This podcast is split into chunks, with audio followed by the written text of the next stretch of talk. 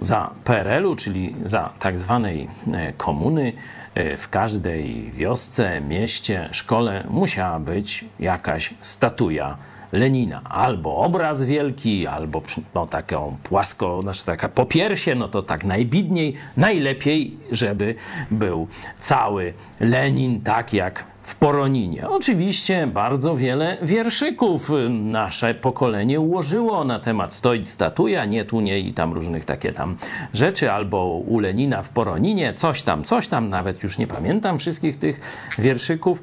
Komuchy stawiały te pomniki, a lud miał je w poważaniu oczywiście.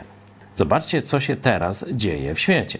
Teraz pomniki naszych bohaterów, pomniki ludzi naprawdę heroicznie zapisanych w naszej historii są obalane.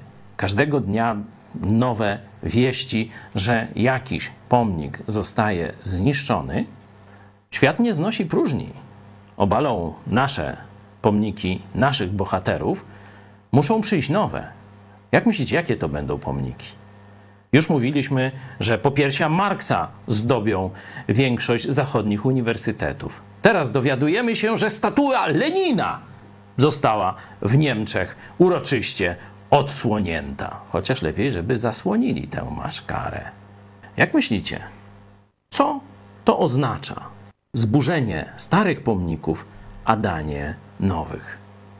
Żydzi mieli mądrość, że nowe pokolenie musi zostać przez stare pokolenie poinstruowane, bo inaczej zostanie zaburzona transmisja prawdy. O, zobaczcie na przykład Psalm 78, jak się bardzo Żydzi o to troszczą.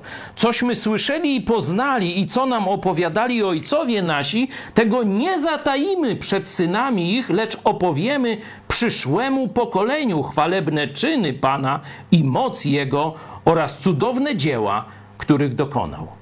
Pomniki Marksa i Lenina. To jaki świat za 15 lat?